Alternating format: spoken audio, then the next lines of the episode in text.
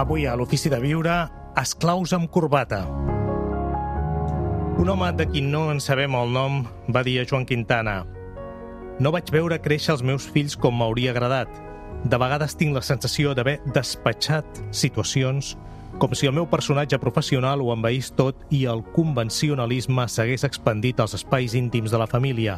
El pare absent.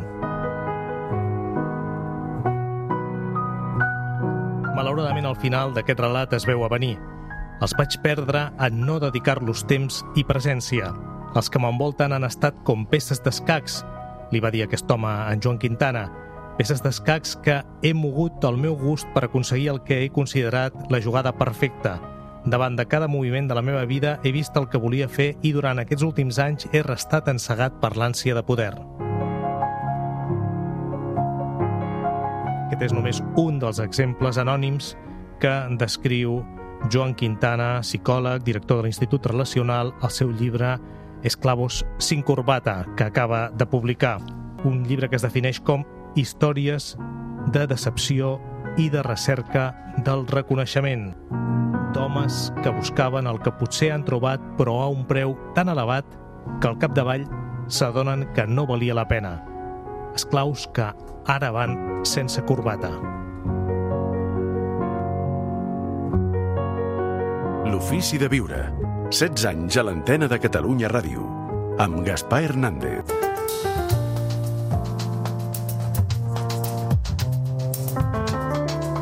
Hola, em dic Marita Ossés, soc escriptora i treballo com a coach de vida.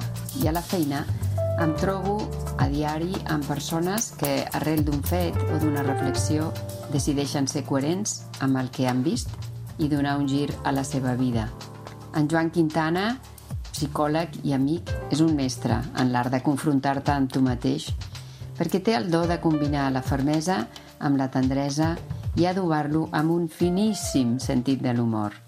En acabar de llegir el seu llibre, Esclaus sense corbata, em vaig adonar que tots els protagonistes de les històries eren homes.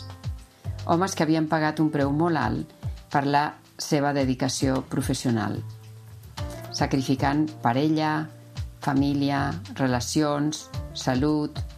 No m'agrada generalitzar, però sí crec que podem dir que l'energia femenina tendeix a tenir tant en compte els altres que pots arribar a oblidar-te de tu mateixa i, per contra, l'energia masculina té una gran facilitat per prioritzar les necessitats pròpies fins al punt de convertir la vida en un intent permanent de satisfer-les, oblidant-se dels altres i entrant en una activitat incessant. Aquí rau la clau de la nostra complementarietat. Les persones amb una energia femenina predominant hem d'aprendre a prioritzar-nos i les que tenen predominança d'energia masculina han d'aprendre a tenir en compte les necessitats dels altres. No es tracta de criticar el que és diferent de mi pel que té en excés. Es tracta d'acceptar i incorporar allò que l'altre té i a mi em manca i d'aquesta manera trobar l'equilibri que és el secret de totes les relacions. Joan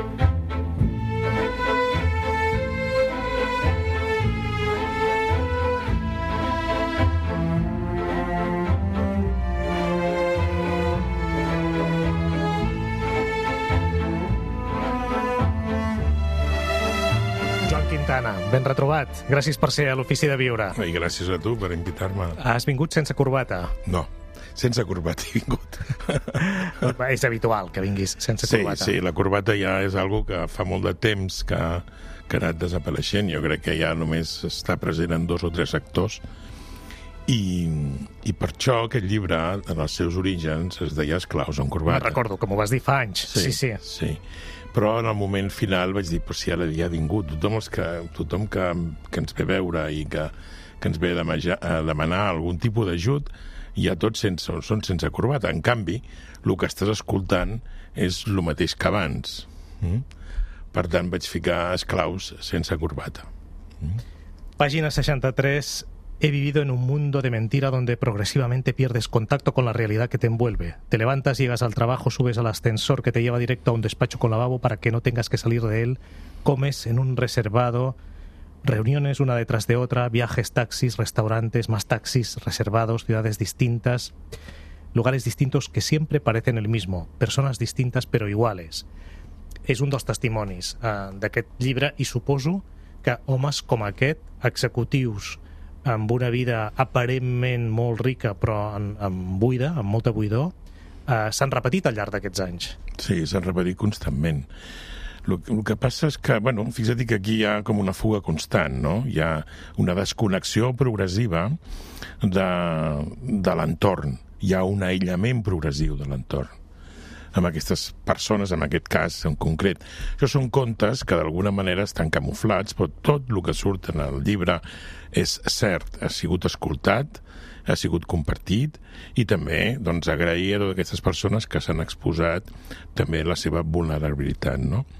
Són, són contes són, eh, que en alguna manera són universals, no solament són per persones que tenen responsabilitats directives, sinó que ressonen amb totes les persones perquè transversalment els temes que toquem són, un te són temes universals. En aquest cas, que, que has llegit, és com la fuga, la fuga, la fuga, la fuga, la desconnexió, eh? per no sentir-se, fins a arribar un moment on, te, quan et gires, estàs sol, no hi ha ningú efectivament són històries i després tu al darrere mm, i fas tot d'explicacions que són gairebé aforismes al voltant del tema que, del qual, sobre el qual acabem de llegir. Has, estàs d'acord, acabes d'escoltar la Marita Ossés, estàs d'acord amb el que ens comentava de l'energia masculina i femenina? Sí, m'ha agradat molt el que ha dit la Marita. De fet, eh, jo vaig tindre que posar-ho a la introducció perquè hi va haver un, un moment on ta, una persona em diu, si vols, agafo comptes i, i doncs els feminitzo en el sentit de com si fossin, li vaig dir que no, és que no ha sigut així jo fa només 5 anys que rebo dones directives eh, en processos d'acompanyament abans no, no en rebia perquè no n'hi havia mm? en aquests moments sí que comencen i sí que és veritat el que la Marita ha dit eh? Eh, hi ha una diferència substancial que és la que ella remarca que és que l'home arriba un moment on es desconnecta i el seu projecte de vida és, és el seu, a l'altre el va invisibilitzant fins a desaparèixer, evidentment és una generalització, i en canvi, doncs, eh, amb les dones que, que jo he pogut estar i estic treballant, eh, el tema justament és mereixes estar, mereixes fer, mereixes sentir i mereixes poder dirigir, coordinar, activar com elles volen i com elles senten, sense necessitat de reproduir el model masculí, el model del patriarcat, el model de la força, de la ràbia, dels crits, sinó mm, permetre's poder estar en una, en una organització, en una família des d'un altre lloc. Pel que fa als homes, quan t'han vingut a veure en tu, eh, era degut a una crisi? Sí, normalment sí. Normalment eh, totes les històries són punts de bifurcació en la història de la vida del personatge i que en aquell moment pues, tot allò que pensava inamovible, que era permanent i que li recordava que ell havia sigut eh, era una manifestació de l'èxit, s'anava enfonsant, es anava derritint i per tant entraven en una situació de, de, de confusió i per tant et venien i volien compartir aquest moment i volia doncs, que acompanyessis en aquest, en aquest punt de bifurcació vital. Pàgina 17, quan l'èxit facta de presència, els altres sovint no entenen per què tu entens i ells no, i es comencen a demanar què has fet tu que no hagin fet ells, i això és una cosa que et cal gestionar. Pel que fa a l'èxit, suposo que has vist també grans transformacions, no? O sigui, homes que anaven amb una idea preconcebuda de l'èxit i que a la meitat de la vida se n'adonen que no tenia res a veure amb allò que creien. Sí, jo m'he trobat constants amb això. Um, de, la psicologia explica molt bé que molts cops els fills es dediquen a, a, a acabar els, els somnis dels pares, no? Uh, I que un dels seus objectius a la vida és no decepcionar-los. i per això són capaços de tot. I jo m'he trobat molts cops que el seu èxit estava forçat, a lo millor per una escena als 5 anys on el pare comparava els germans i li deia que ell no arribaria mai a cap lloc. I et trobes allà una persona de 50 anys que et diu hi ha arribat i al final li ha pogut dir que sí, però estic agotat i no sé si ha servit la, la pena. Mm? Aleshores, aquest, aquesta història doncs, de que l'èxit és la búsqueda del reconeixement, per això el llibre són, és històries de decepció i busca el reconeixement, és un eix vertebrador de totes les històries. L'èxit és, en el fons, és com a l'altre em veu a mi o com jo necessito que l'altre em vegi a mi. Mm? Aleshores, si tinc pendent reconeixements eh, fonamentals de les figures paternes fonamentalment, si tinc algú que jo tinc que mostrar per poder ser i per poder ser vist i ser estimat, amb això em puc entrar en situacions de renúncia doncs, fins a convertir-me en un esclau només per, que, per poder compensar allò que un dia que, allò que volia rebre no vaig rebre. I ja és molt que l'home, en aquest cas, se n'adoni, que arribi un dia a 40-50 anys, quan sigui 60, que, eh, no, que se n'adona d'aquesta mancança. Però se n'adonen perquè hi ha un segon, hi ha un tercer, hi ha un quart que els hi recorda que voldrien ser vistos i estimats per ell d'una altra manera. Per exemple, els fills, la, la, la, la persona que cohabita, que, que viu que, amb aquesta persona, el pare absent és permanent. O sigui, totes aquestes persones sempre hi ha una frase que diuen el que més m'ha sapigut greu a la meva vida és no veure i compartir com han crescut els meus fills. És una frase que és patètica, però que és constant en totes les figures. Per què? Perquè el nivell d'exigència que han tingut que suportar, que han acceptat i que molts d'ells han sigut protagonistes per, en aquest sentit, va fent desaparèixer tot el seu entorn fins a arribar a un punt on es queden invisibilitzats. Vull dir, jo he tingut després i pogut parlar amb fills o amb filles d'ells que et diuen a davant del pare, amb el treball d'acompanyament, i li diuen jo, quan tenia 5 anys, em va costar molt entendre que la feina era el més important per tu. Silenci, i després érem nosaltres. I aquell després érem nosaltres, doncs, eh, bueno, en algun moment doncs, hi, ha, hi ha una crisi, se'ls hi retorna i ells entren en una situació com dient no, no, no sé què passa. Eh, arribo a casa i veig a les fotos que jo no hi sóc. Per tant, sí, és un... En el fons, aquest llibre, com t'he dit abans, quan estàvem, quan, està, quan t'he saludat, és... Jo l'he escrit per, perquè quedi clar, perquè el puguin llegir i perquè no cal arribar aquí. Vull dir, es pot fer d'una altra manera.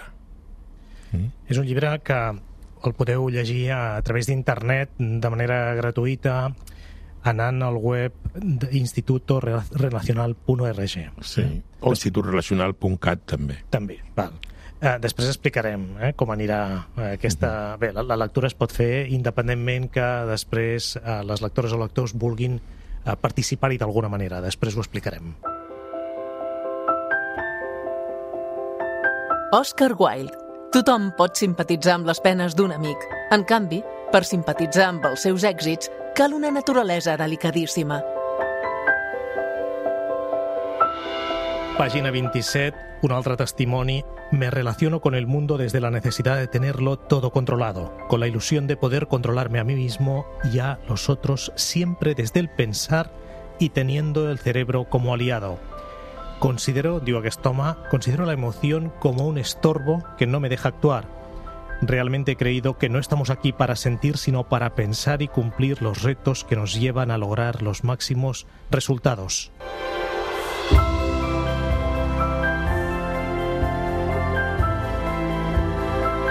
També a les mancances paternes o als pares absents, aquest mateix home, al final de tot diu Nunca he llegado a satisfacer a mi padre, no he llegado a satisfacer a mis jefes i nunca me siento satisfecho. Pel que fa a la gestió de les emocions amb tots aquests homes, és una de les assignatures pendents? Sí.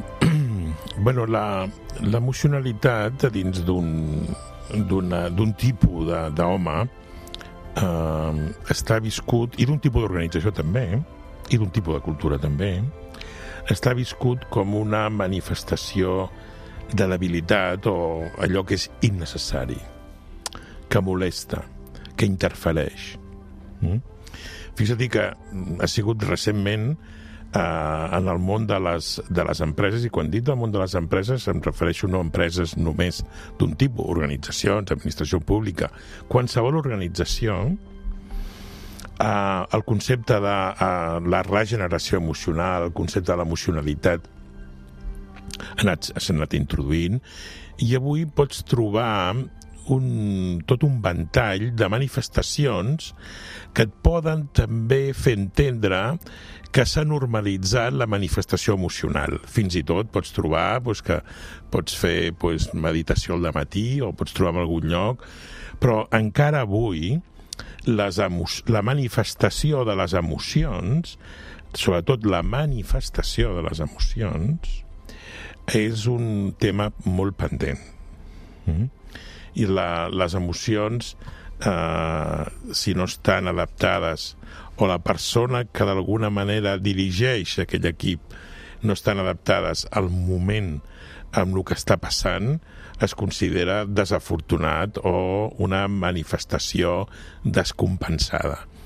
La, jo el que recomano i el que invito al llibre és que justament la desconnexió emocional et porta a un estat molt important de desconnexió eh, i per tant et vas perdent, et vas perdent, et vas perdent, et vas perdent, et vas perdent i, i bueno, eh, et vas com difuminant, no? Eh, fixa't que en el, en el text, en el llibre, es manifesta constantment que un dels camins per no caure en tot aquest procés és entendre que tots aquests personatges, la seva búsqueda essencial és a l'amor. O sigui, és ser estimats, ser vistos i ser reconeguts. I per això són capaços de no posar límits. Fíjate que les relacions saludables és un equilibri, és una dansa entre l'amor i els límits. Quan, quan no poses límits, només hi ha queda la supeditació o la sobreadaptació. I això són personatges totalment supeditats i sobreadaptats. Per això hi ha gent que no és d'aquest món, que llegeix el llibre i em diu mi m'ha ressonat això, perquè és el mateix que a mi em pot passar amb la meva parella o que a mi em pot passar amb el meu fill. La meva incapacitat de posar límits m'ha fet que senti molts cops una sensació d'ofec i esclavitud amb la, meva, amb la meva relació familiar. No? I d'alguna manera el mateix esquema que segueix a les històries són també les que la gent es troba en situacions quotidianes. Página 46. No vi crecer a mis hijos como me hubiera gustado. A veces tengo la sensación de que he despachado situaciones como si mi personaje profesional lo invadiera todo y el convencionalismo se hubiera expandido a los espacios íntimos de la familia. El padre ausente. El, el tema de despatxar les situacions de la vida, és que això em va cridar molt l'atenció, com si fossin a afers de l'organització o de l'empresa. Sí, és que així, així ens ho has dit. O sigui, ells, molts cops, jo els hi feia treballar l'agenda. I em deien, amb l'agenda. I llavors hi havia trossos que era, pues, eh, conversa amb el meu pare al cap de setmana. O hi havia trossos que era acompanyar tal, o reunió familiar i... O sigui, eren, ells era un despatxar la situació familiar perquè d'alguna manera es compensés mínimament per seguir amb el mateix objectiu. Mm? Però pensa una cosa, um, algú que ens pot estar escoltant pot pensar, sí, perquè aquest no sóc jo. Però cuidado perquè l'exigència de les organitzacions són infinites. O sigui, tu no arribaràs mai a complaure una organització. L'organització sempre et demanarà més i més i més i més fins a l'infinit. Per tant, tens que entendre, tens que sentir-te com estàs què sents i posar límits. Avui hi ha tota una generació, quan, i la gent que es dedica a seleccionar gent, on la segona pregunta dels candidats ja és el temps que tenen per ells, el temps que, que estaran a casa o no estaran fent teletreball. O sigui, ja hi ha tots uns, tota una estructura de límits per impedir ser abduïts per la demanda infinita de l'organització. Però és una generació nova, nosaltres això no ho hem fet. Nosaltres, ens, nosaltres per nosaltres el treball era, un, era una redenció, eh? o era un plaer. Nosaltres construïem l'identitat amb el treball i per això ens deixàvem eh, entrar dins i com més, com més i com més la gent trobaves i com vas? Buf, és que jo no puc, ho tinc tot ple, estic a tope. I això era igual a estic molt bé, no? Quan realment a vegades això feia i fa impedir... Mira, només et dic una cosa. Jo els diria a la gent que ens escolta, si arribeu a casa molt cansats, és que esteu fent alguna que no funciona. O sigui, a mi sempre em deia un dels meus mestres, el biòleg, el Maturana, sempre em deia una manera que per saber, Joan, que, que, no, que no, no estàs en un lloc, que no tens que estar, o estàs una feina que no, que no t'agrada, és si arribes i estàs molt cansat. Diu que quan t'agrada estàs treballant i no estàs cansat. Et sents al revés, ple d'energia, no? Doncs jo crec que està molt bé com tu invites en aquest programa sempre a escoltar-nos el que sentim, el que, quina emoció sentim quan ens llevem el dilluns al matí o a les 7 de la tarda del diumenge i co, co, quin nivell d'estar cansats i permetre'ns lentament anar posant límits. Hi ha un aspecte que és el de les possessions materials. Tu també eh, ho remarques en el llibre, te'n fas ressò. Aquests esclaus amb corbata o sense corbata ho són en bona part perquè han de pagar possessions materials, o sigui, cases, segones residències, el que sigui, l'escola dels fills, no? I, i ells mateixos mm, bé ho diuen, és que no puc sortir d'aquest esclavatge Clar. perquè he de pagar les factures. Sí. Bueno, és que, fixa't que el sistema està muntat és que el sistema, el sistema està muntat per tindre un esclavatge econòmic, un esclavatge emocional, un esclavatge sentimental. Vull dir, el, és, fa por el que no té això. Mm? Clar, fixa't que la, la, la generació, una nova generació, fixa't com canvia. Avui en dia, eh, els, els, ja no, no volen tindre cotxe. La identitat no passa pel cotxe. La identitat no passa per... I per això els fabricants de cotxes estan preocupats. Mm? La identitat ja no passa per tindre, sinó per una possibilitat d'ús, però no per la possessió. I a més a més el context ho recorda Vull dir, la gent no voldrà una hipoteca per 35 anys. Aleshores, hi ha un canvi substancial en aquest sentit. Hi ha, jo estic segur, i això seguríssim, que molta gent que ens escolta, als seus fills, si li preguntessin respecte a mi, què diries? I molts d'ells dirien, jo no vull treballar com tu has treballat, i jo no vull hipotecar-me com tu t'has hipotecat encara que reconec que has fet això per mi i t'ho agraeixo, perquè això m'ha permès a mi dir-te hasta el que t'estic dient ara. Però jo no vull viure així. Aquest és un tema molt interessant perquè es produeix constantment, eh? A aquesta sí. imatge que han tingut els fills d'aquests pares no volen repetir-la. Uh -huh. A les hipoteques tindrien molt a veure, per tant, aquest esclavatge. Sí. Uh -huh. hipoteques, com deies abans, de tota mena. De tota mena un sí. matrimoni, segons com, pot ser també una hipoteca. També, una parella pot ser una hipoteca. I amb, un, i amb una persona, abans, almenys, que treballava a la banca, eh, era dubtós que una persona que treballa allà no tingués hipoteca, perquè lo important és que eh, tingués que tindre una hipoteca molt baixa, el més àmplia possible, perquè si no marxava. Pel que fa a les dones, tornant a les dones, tu ens deies, és que fa uns anys senzillament no em venien a veure perquè no n'hi havia d'executives, sí. als sí. càrrecs. Eh, notes que n'hi ha encara que mm, es comporten com els seus caps s'han comportat amb elles? És a dir, eh, com el patriarcat tradicionalment eh, s'ha comportat a les organitzacions, amb més energia masculina que femenina, malgrat ser dones? Sí, això depèn molt del sector. Eh, hi ha sectors que són, quasi et diria que, que són manifestacions i tot dels valors patriarcals. Per exemple, hi ha sectors industrials que és així. Mm? És diferent, per exemple, quan venen i són directives del sector tecnològic emergent que ja té una altra cultura. O, per exemple, són de comunicació, de serveis, que també en tenen una altra, no? El sector de referència també és molt important, no? A veure, jo encara no m'atreviria, i a més a més, sempre que treballo amb, amb, avui en dia, sempre contrasto amb, amb, amb, una, amb, amb dones col·legues, no? perquè mm, bueno, són, són maneres de mirar, vull dir, jo, jo, el que elles t'ensenyen és que jo sóc un home i miro com un home, m'entens? Puc tindre sensibilitat, però miro com un home. I aleshores tens que anar al tanto. Mm? Uh, amb, amb com ho dius, amb com escoltes i, i, i quines... A la mateixa pregunta no serveix. Mm?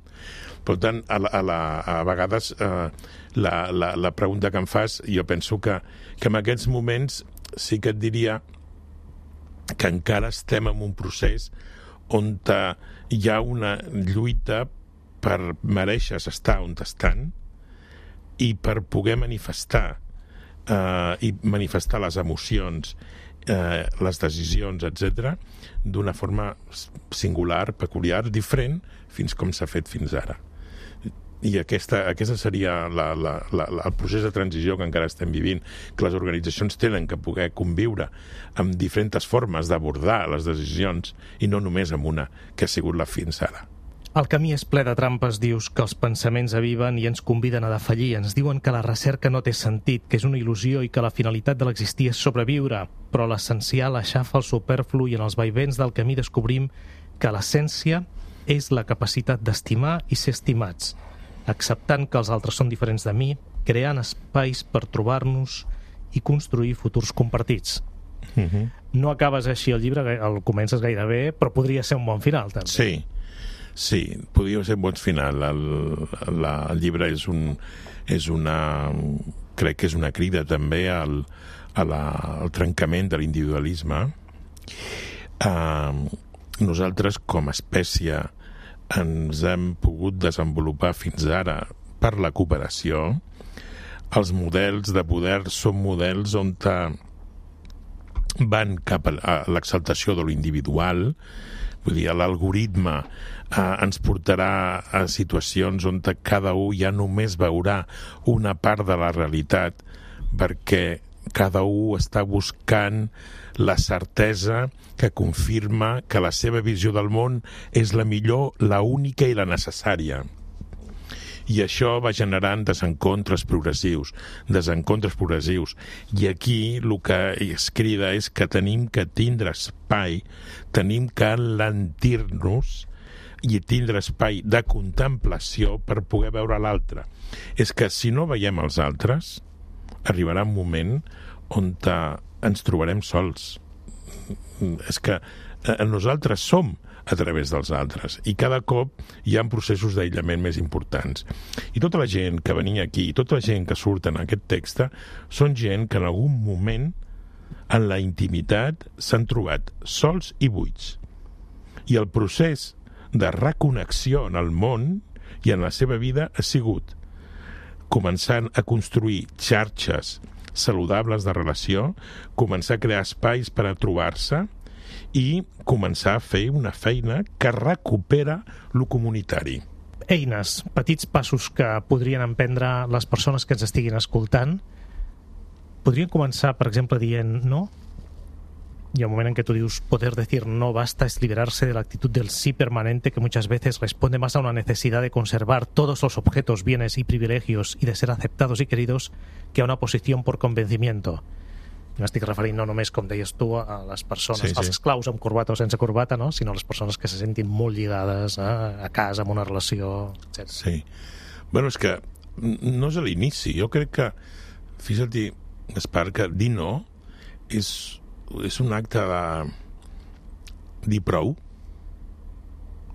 dir no, no, no vull això. Mm, És un acte de reafirmació, és un acte d'existència. A vegades dir no costa moltíssim. Perquè hem sigut programats per complaure el poder. Hem sigut programats, en el fons, davant de la... Fixa't, una, fixa't que molts d'ells molts d'ells sempre tenien un poderós a sobre. I quan marxava aquest poderós, ells reproduïen el model. O sigui, el model és un model de domini. I amb el model de domini no es permet el no. En el fons, és no el que s'ha pensat. O sigui, com em vol dir no a mi? Però que això pot passar amb una parella. Tens això pot passar amb, amb, una, amb, una, amb, amb una aula, amb una escola. Vull dir, els, aprenem constantment a anar renunciant espais de llibertat justament perquè les figures d'autoritat ens reconeguin.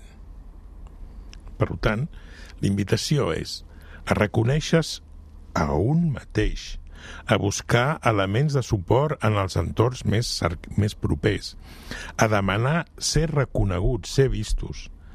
I les persones que d'alguna manera pues, tenen una deficiència o un buit en l'amor o en ser estimats, pues, treballar-ho i començar a recuperar el dret a existir, a ser estimat i a posar límits.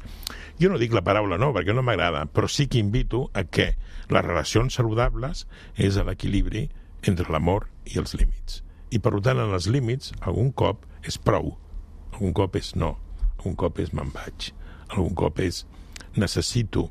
Si no s'arriba s'arriba a escoltar eh, tota la vida, jo ara, per exemple, amb, amb, amb dones, comences a escoltar quan tenen, quan venen dius tota la vida m'he dedicat als altres, com deia la Marita.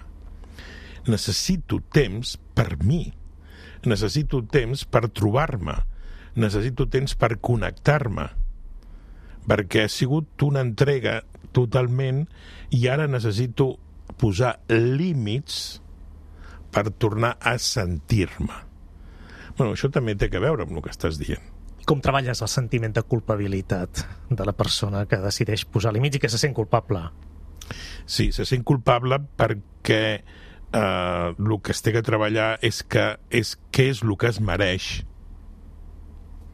mm? i que i per tant és eh, d'alguna manera donar-se permís per mereixes poder ser que, bueno, és fàcil dir-ho, eh? però aquest és un mecanisme que és complexa. Mm? Perquè si una persona ha après a, a ser vist negant-se, eh, llavors costa molt eh, doncs anar-la eh, fer-la entrar en què realment té dret a existir per ella mateixa o per ell mateix i per tant es mereix això.